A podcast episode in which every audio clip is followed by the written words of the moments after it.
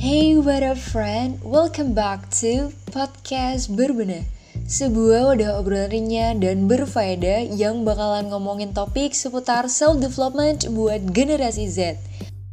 Howdy friend, balik lagi bareng gue Vanija pastinya di podcast Berbenah Kali ini untuk memperingati hari yang spesial gue juga kedatangan bintang tamu yang spesial juga nih friend.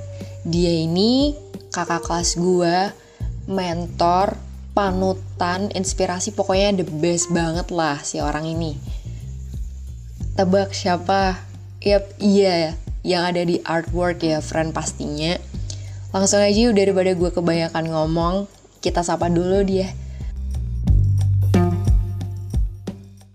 Halo Mbak Aul. Halo Fani. Gimana nih kabarnya? Alhamdulillah Van baik. Oh iya Mbak Aul lagi sibuk apa sekarang? Iya nih lagi sibuk, sibuk gak ngapa-ngapain. Ini sih Van, paling kuliah sama kerja aja sih. Coba intro dulu dong Mbak. Mbak Aul nih siapa dan pengen disebut sebagai apa? Oh, disebut sebagai apa ya Van?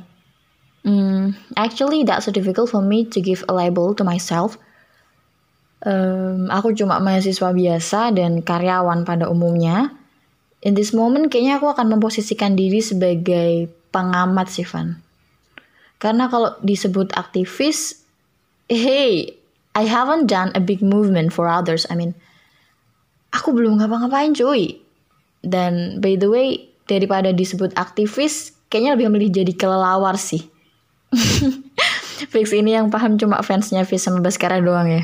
Jadi nih friend, karena besok tanggal 8 Maret 2021 adalah International Women's Day atau Hari Perempuan Sedunia, di episode 21 kali ini gue bareng Baul bakalan ngomongin tentang all about women atau perempuan nih. Nah, menurut Baul sendiri ya, arti perempuan itu apa sih? Hmm, menarik. Arti perempuan ya? Jadi gini Van, andai kata gue cowok, gue pasti bakal bilang kalau perempuan itu adalah sosok yang harus gue jaga dan lindungin. But as human, menurut gue perempuan itu adalah makhluk Tuhan yang ya setara dengan laki-laki. Mereka punya choice yang sama, mereka punya the way how to make a decision for them. Dan bukan berarti karena gue perempuan, jadi gue bilang kalau perempuan itu adalah sosok yang strong, independent, insightful, terus apa ya, amazing atau apalah itu. Dan kemarin there was a boy yang bilang sama gue kalau ya semua orang itu menarik, tinggal mandangnya dari mana, gitu sih. Apalagi di sini kita lagi bahas tentang gender equality. Lanjut ya mbak, kalau lihat sekarang ya, udah ada banyak banget nih perempuan-perempuan yang mulai setara ya sama laki-laki Ya dengan cara jadi pemimpin, terus juga berkarir di bidang male dominated industry dan masih banyak lagi. Nah, menurut Baul adanya fenomena kayak gini tuh gimana sih, Mbak? Hmm, being independent woman. Oke, okay, fenomena perempuan yang udah mulai setara, banyak yang jadi leader dan berkarir di male dominated industry, menurut gue itu udah sebuah kemajuan yang bagus ya, Van. I mean, ya ya memang ini yang diupayakan para feminis di luar sana, baik di dalam maupun di luar negeri.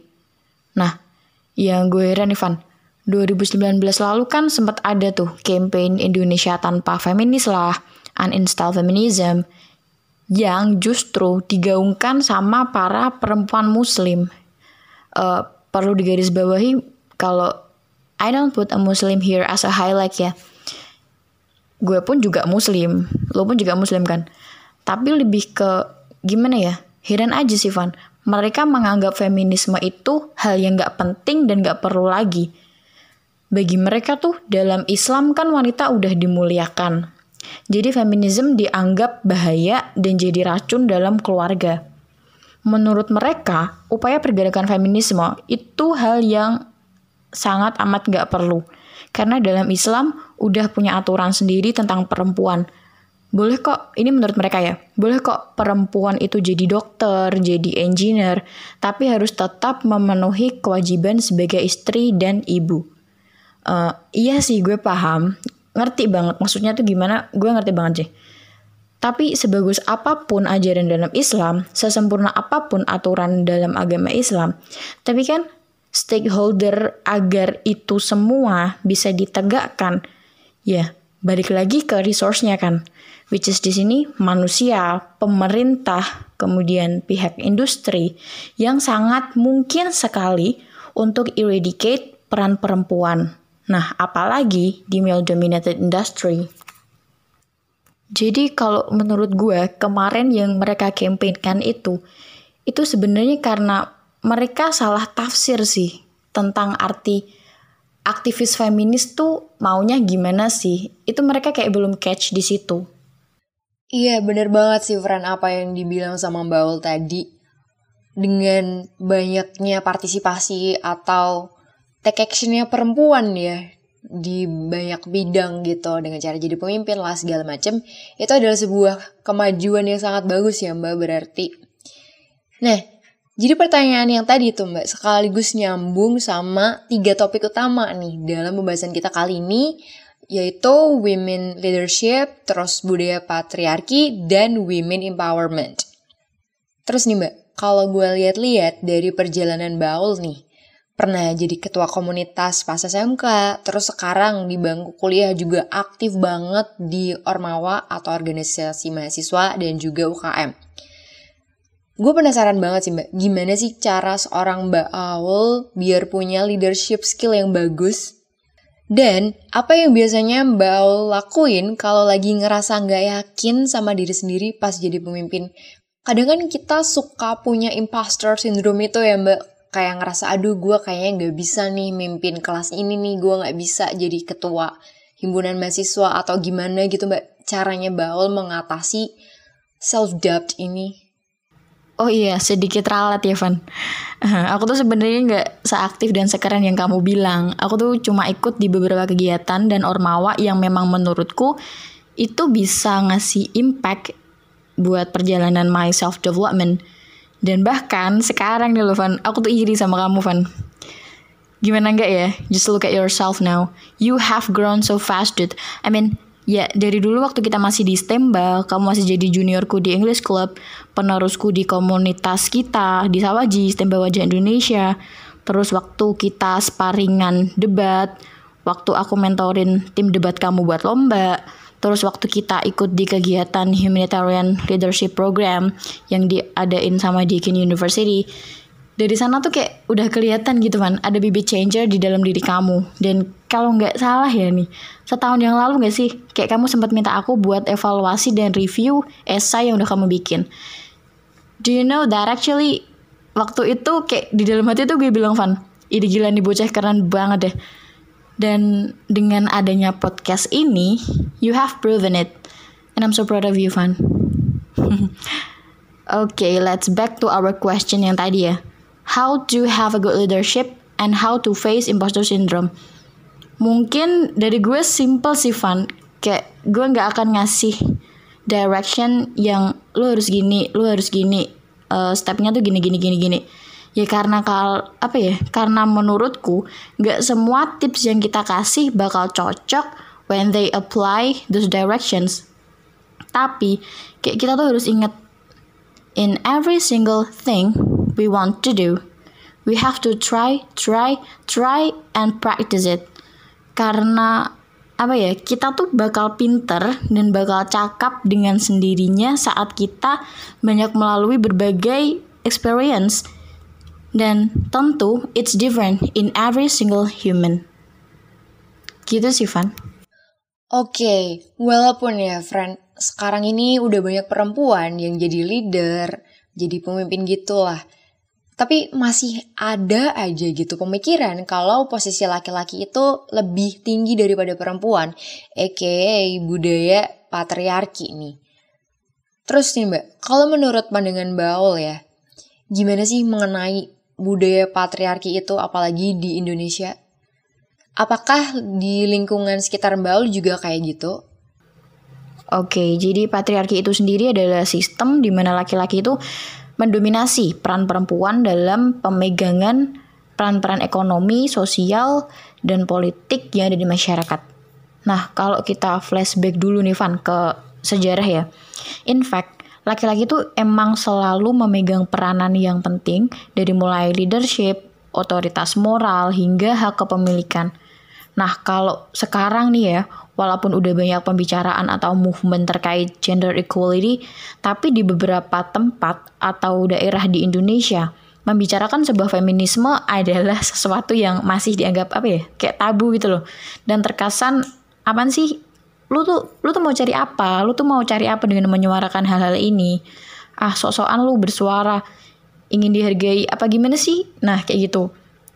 Hal ini terjadi karena masih kentalnya kayak tadi dibilang sama kamu Van, budaya ini apa namanya nuansa patriarki. Nah, sebagai contoh ya, terdapat survei yang dilakukan sama SLI di mana 93% korban pemerkosaan yang mayoritas di sini perempuan itu takut untuk melapor. Takut gimana sih maksudnya? Nah, takut karena secara histori korban pemerkosaan selalu ditanyai sama polisi dengan pertanyaan-pertanyaan kayak gini. E, emang kemarin kamu pakai baju apa? E, pasti kemarin kamu mancing ya. Kamu kali yang udah duluan. Nah, dari sini kita tuh udah bisa lihat gitu loh. Di sini terlihat bahwa masyarakat dan even aparat loh guys.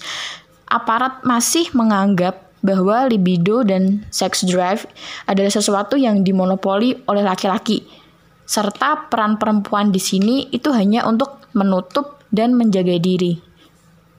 Lalu dampaknya apa? Nah, hal ini menggeser pembicaraan yang semestinya fokus tentang regulasi perlindungan korban hingga sex education menjadi lagi-lagi mengenai pengkotak-kotakan peran antara laki-laki dan perempuan. Kayak gitu sih Van. Nah, kalau di lingkunganku sendiri ya, aku di sini akan ambil contoh di perusahaan tempatku bekerja. I will never say my company. Jadi aku di sini bekerja di salah satu company di bagian HRD, Human Resource Development. Nah, di sana memang banyak atau mayoritas karyawan itu adalah perempuan Van. Tapi kalau aku mengamati, banyak dari mereka yang sering terbentur sama yang namanya glass glass apa ya? Glass ceiling. Glass ceiling.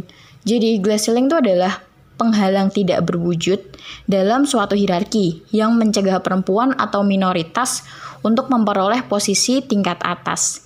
Jadi glass ceiling ini kayak tadi gue bilang gak kelihatan tapi terjadi. Dan di perusahaan laki-laki laki-laki tuh kayak lebih mudah punya kesempatan untuk mencapai posisi Eh, posisi-posisi uh, atas kayak misalkan manajer lebih mudah dipromosikan.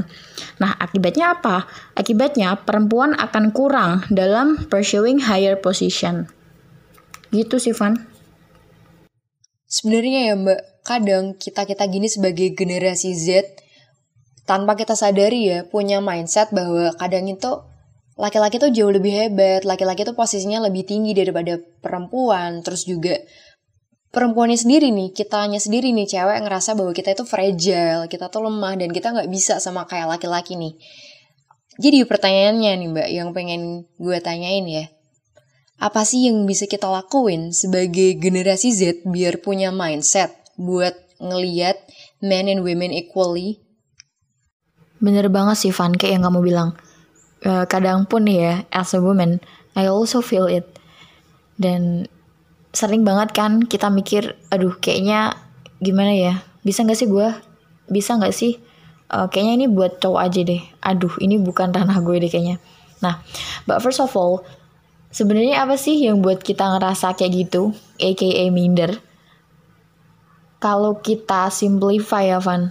Ini menurut gue. Sebenarnya ada dua faktor. Yang pertama internal. Karena kita tuh emang nggak pede aja dengan capability yang kita punya And the best part of self-confidence is our trust issue to ourselves. Kalau aku sendiri ya, how the way I handle it is just stop to say or spell our negative thinking. Kalau kita minder dan pemikiran pemikiran kita kan kadang kayak susah ditebak, kadang muncul gitu aja, muncul sendirinya, gak bisa diblok. Nah, ya kita bisa meminimalisir itu, kita bisa minimize the impact to happen. Ya dengan cara jangan diucapin aja, jangan diomongin. Kalau di aku itu ngaruh sih, nggak tahu orang yang lain. Kadang kita tuh kayak diminta buat speak up. Kita diminta untuk express our feeling, everything in our mind. But kalau kita nggak ngontrol itu semua, ya ujung-ujungnya apa? Ujung-ujungnya bakal belabas juga.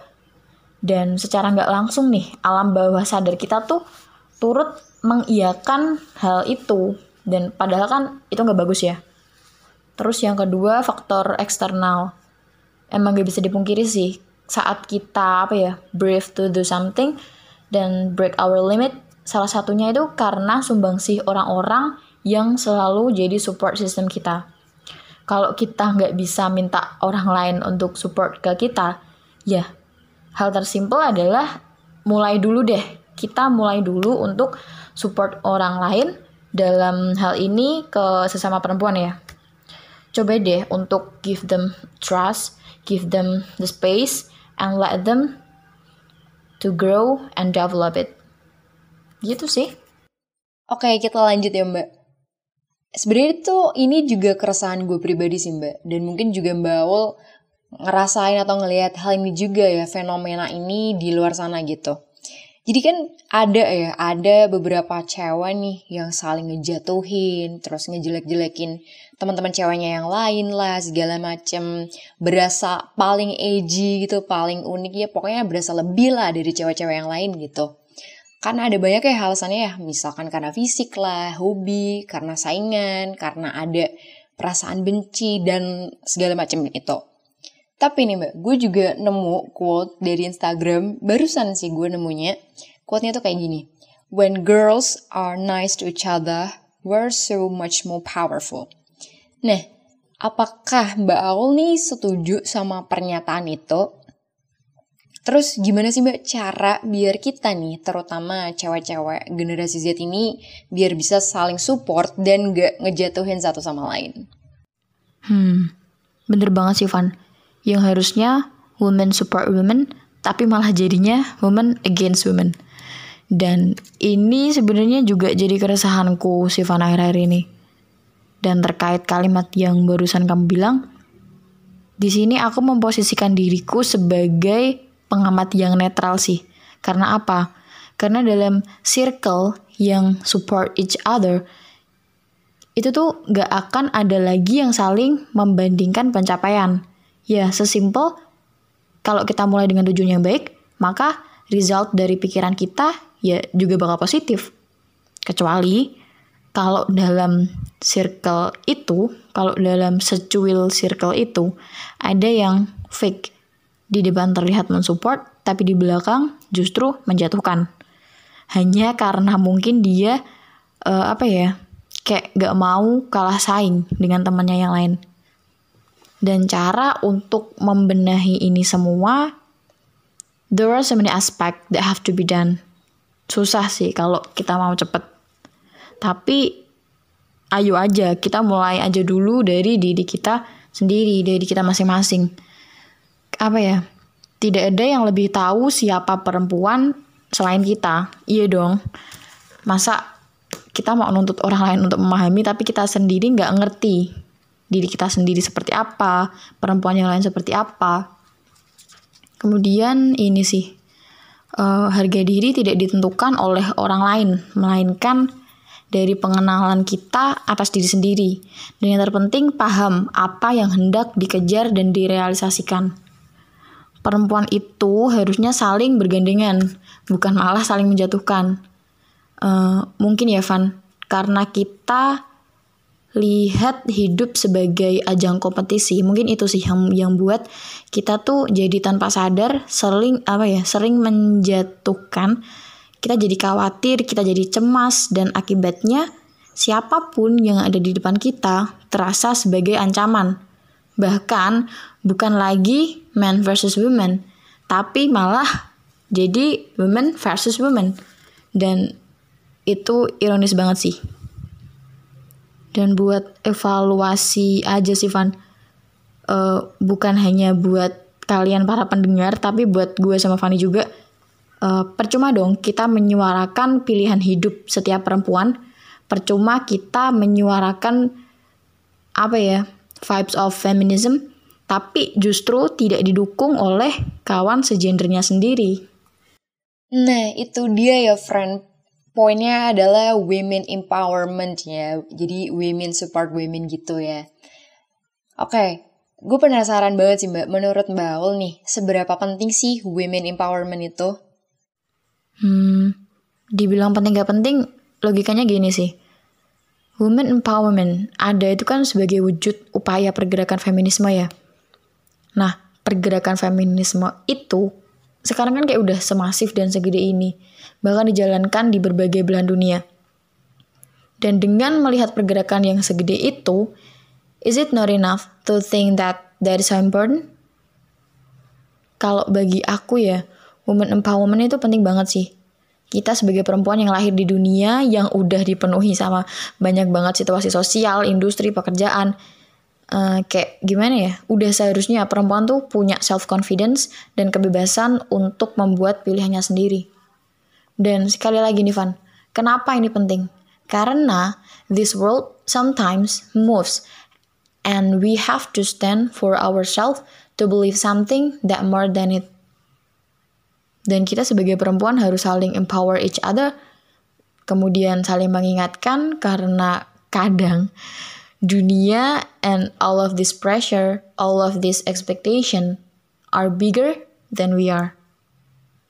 Kita bisa sangat mudah dipinggirkan, kita sangat mudah untuk diasingkan atau bahkan sangat mudah terbawa dan mudah dibuat percaya. Karena apa coba?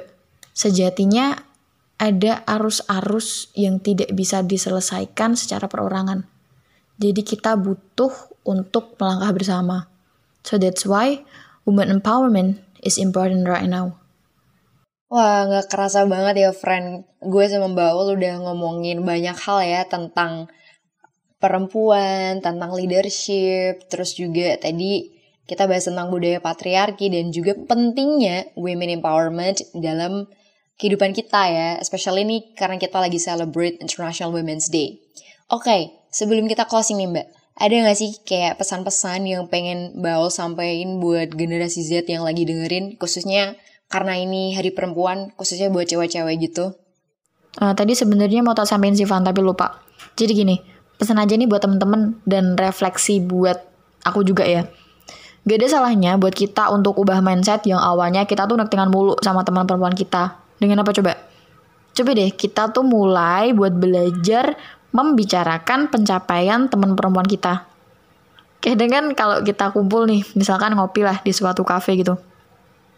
Kadang kan kita gengsi. Saat kumpul, sepertinya jarang tuh saya denger, uh, kita semua denger kalimat-kalimat seperti ini.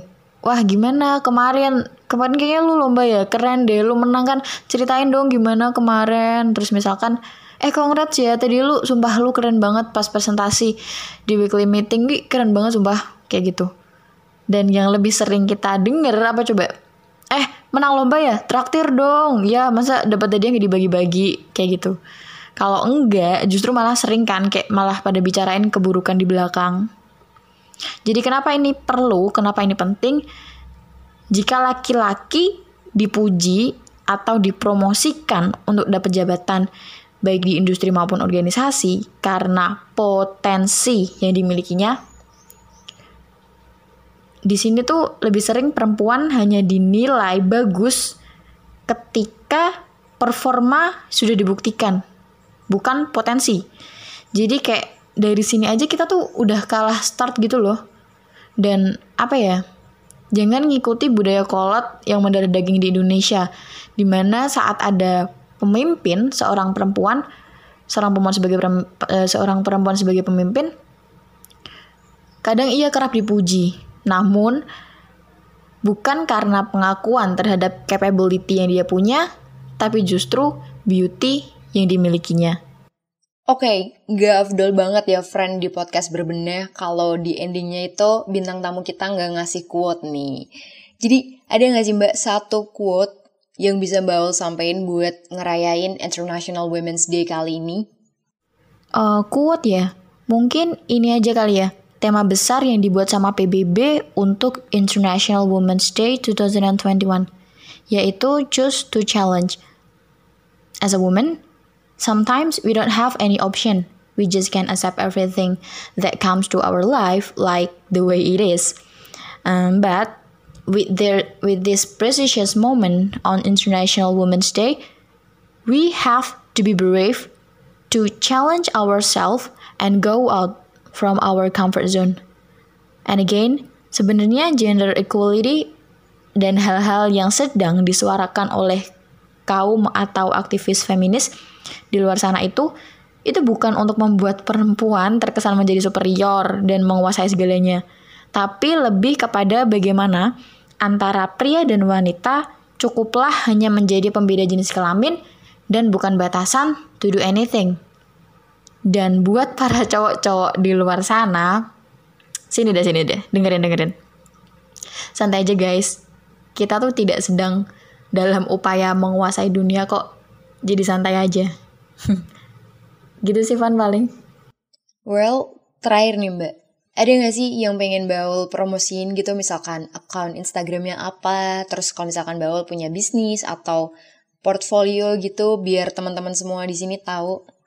Okay, you can find me on Instagram underscore underscore Hapsari. Jadi ada dua underscore. Kalau susah buat cari, kalian bisa cari di followingnya Fanny. Uh, oh iya nih, info nih teman-teman. Buat besok tanggal 8 Maret 2021 jam 7 malam akan ada acara diskusi publik tentang International Women's Day juga. Tapi concernnya lebih ke RUU PKS yang diadain sama BEM kampusku dan nanti aku bakal jadi moderator di sana. So, buat yang kepo dan pengen join, boleh banget nih join. Untuk link registrasinya udah aku taruh di bio Instagram aku. Gitu sih. Dan untuk karya, nah, minta doanya ya Van. Lagi ngumpulin niat, semoga akhir Maret udah jadi. Terus buat bisnis, ini juga minta doanya banget. Jadi aku ada plan mau bikin project sama kakak tingkat kita juga di Stemba. Minta doanya aja ya.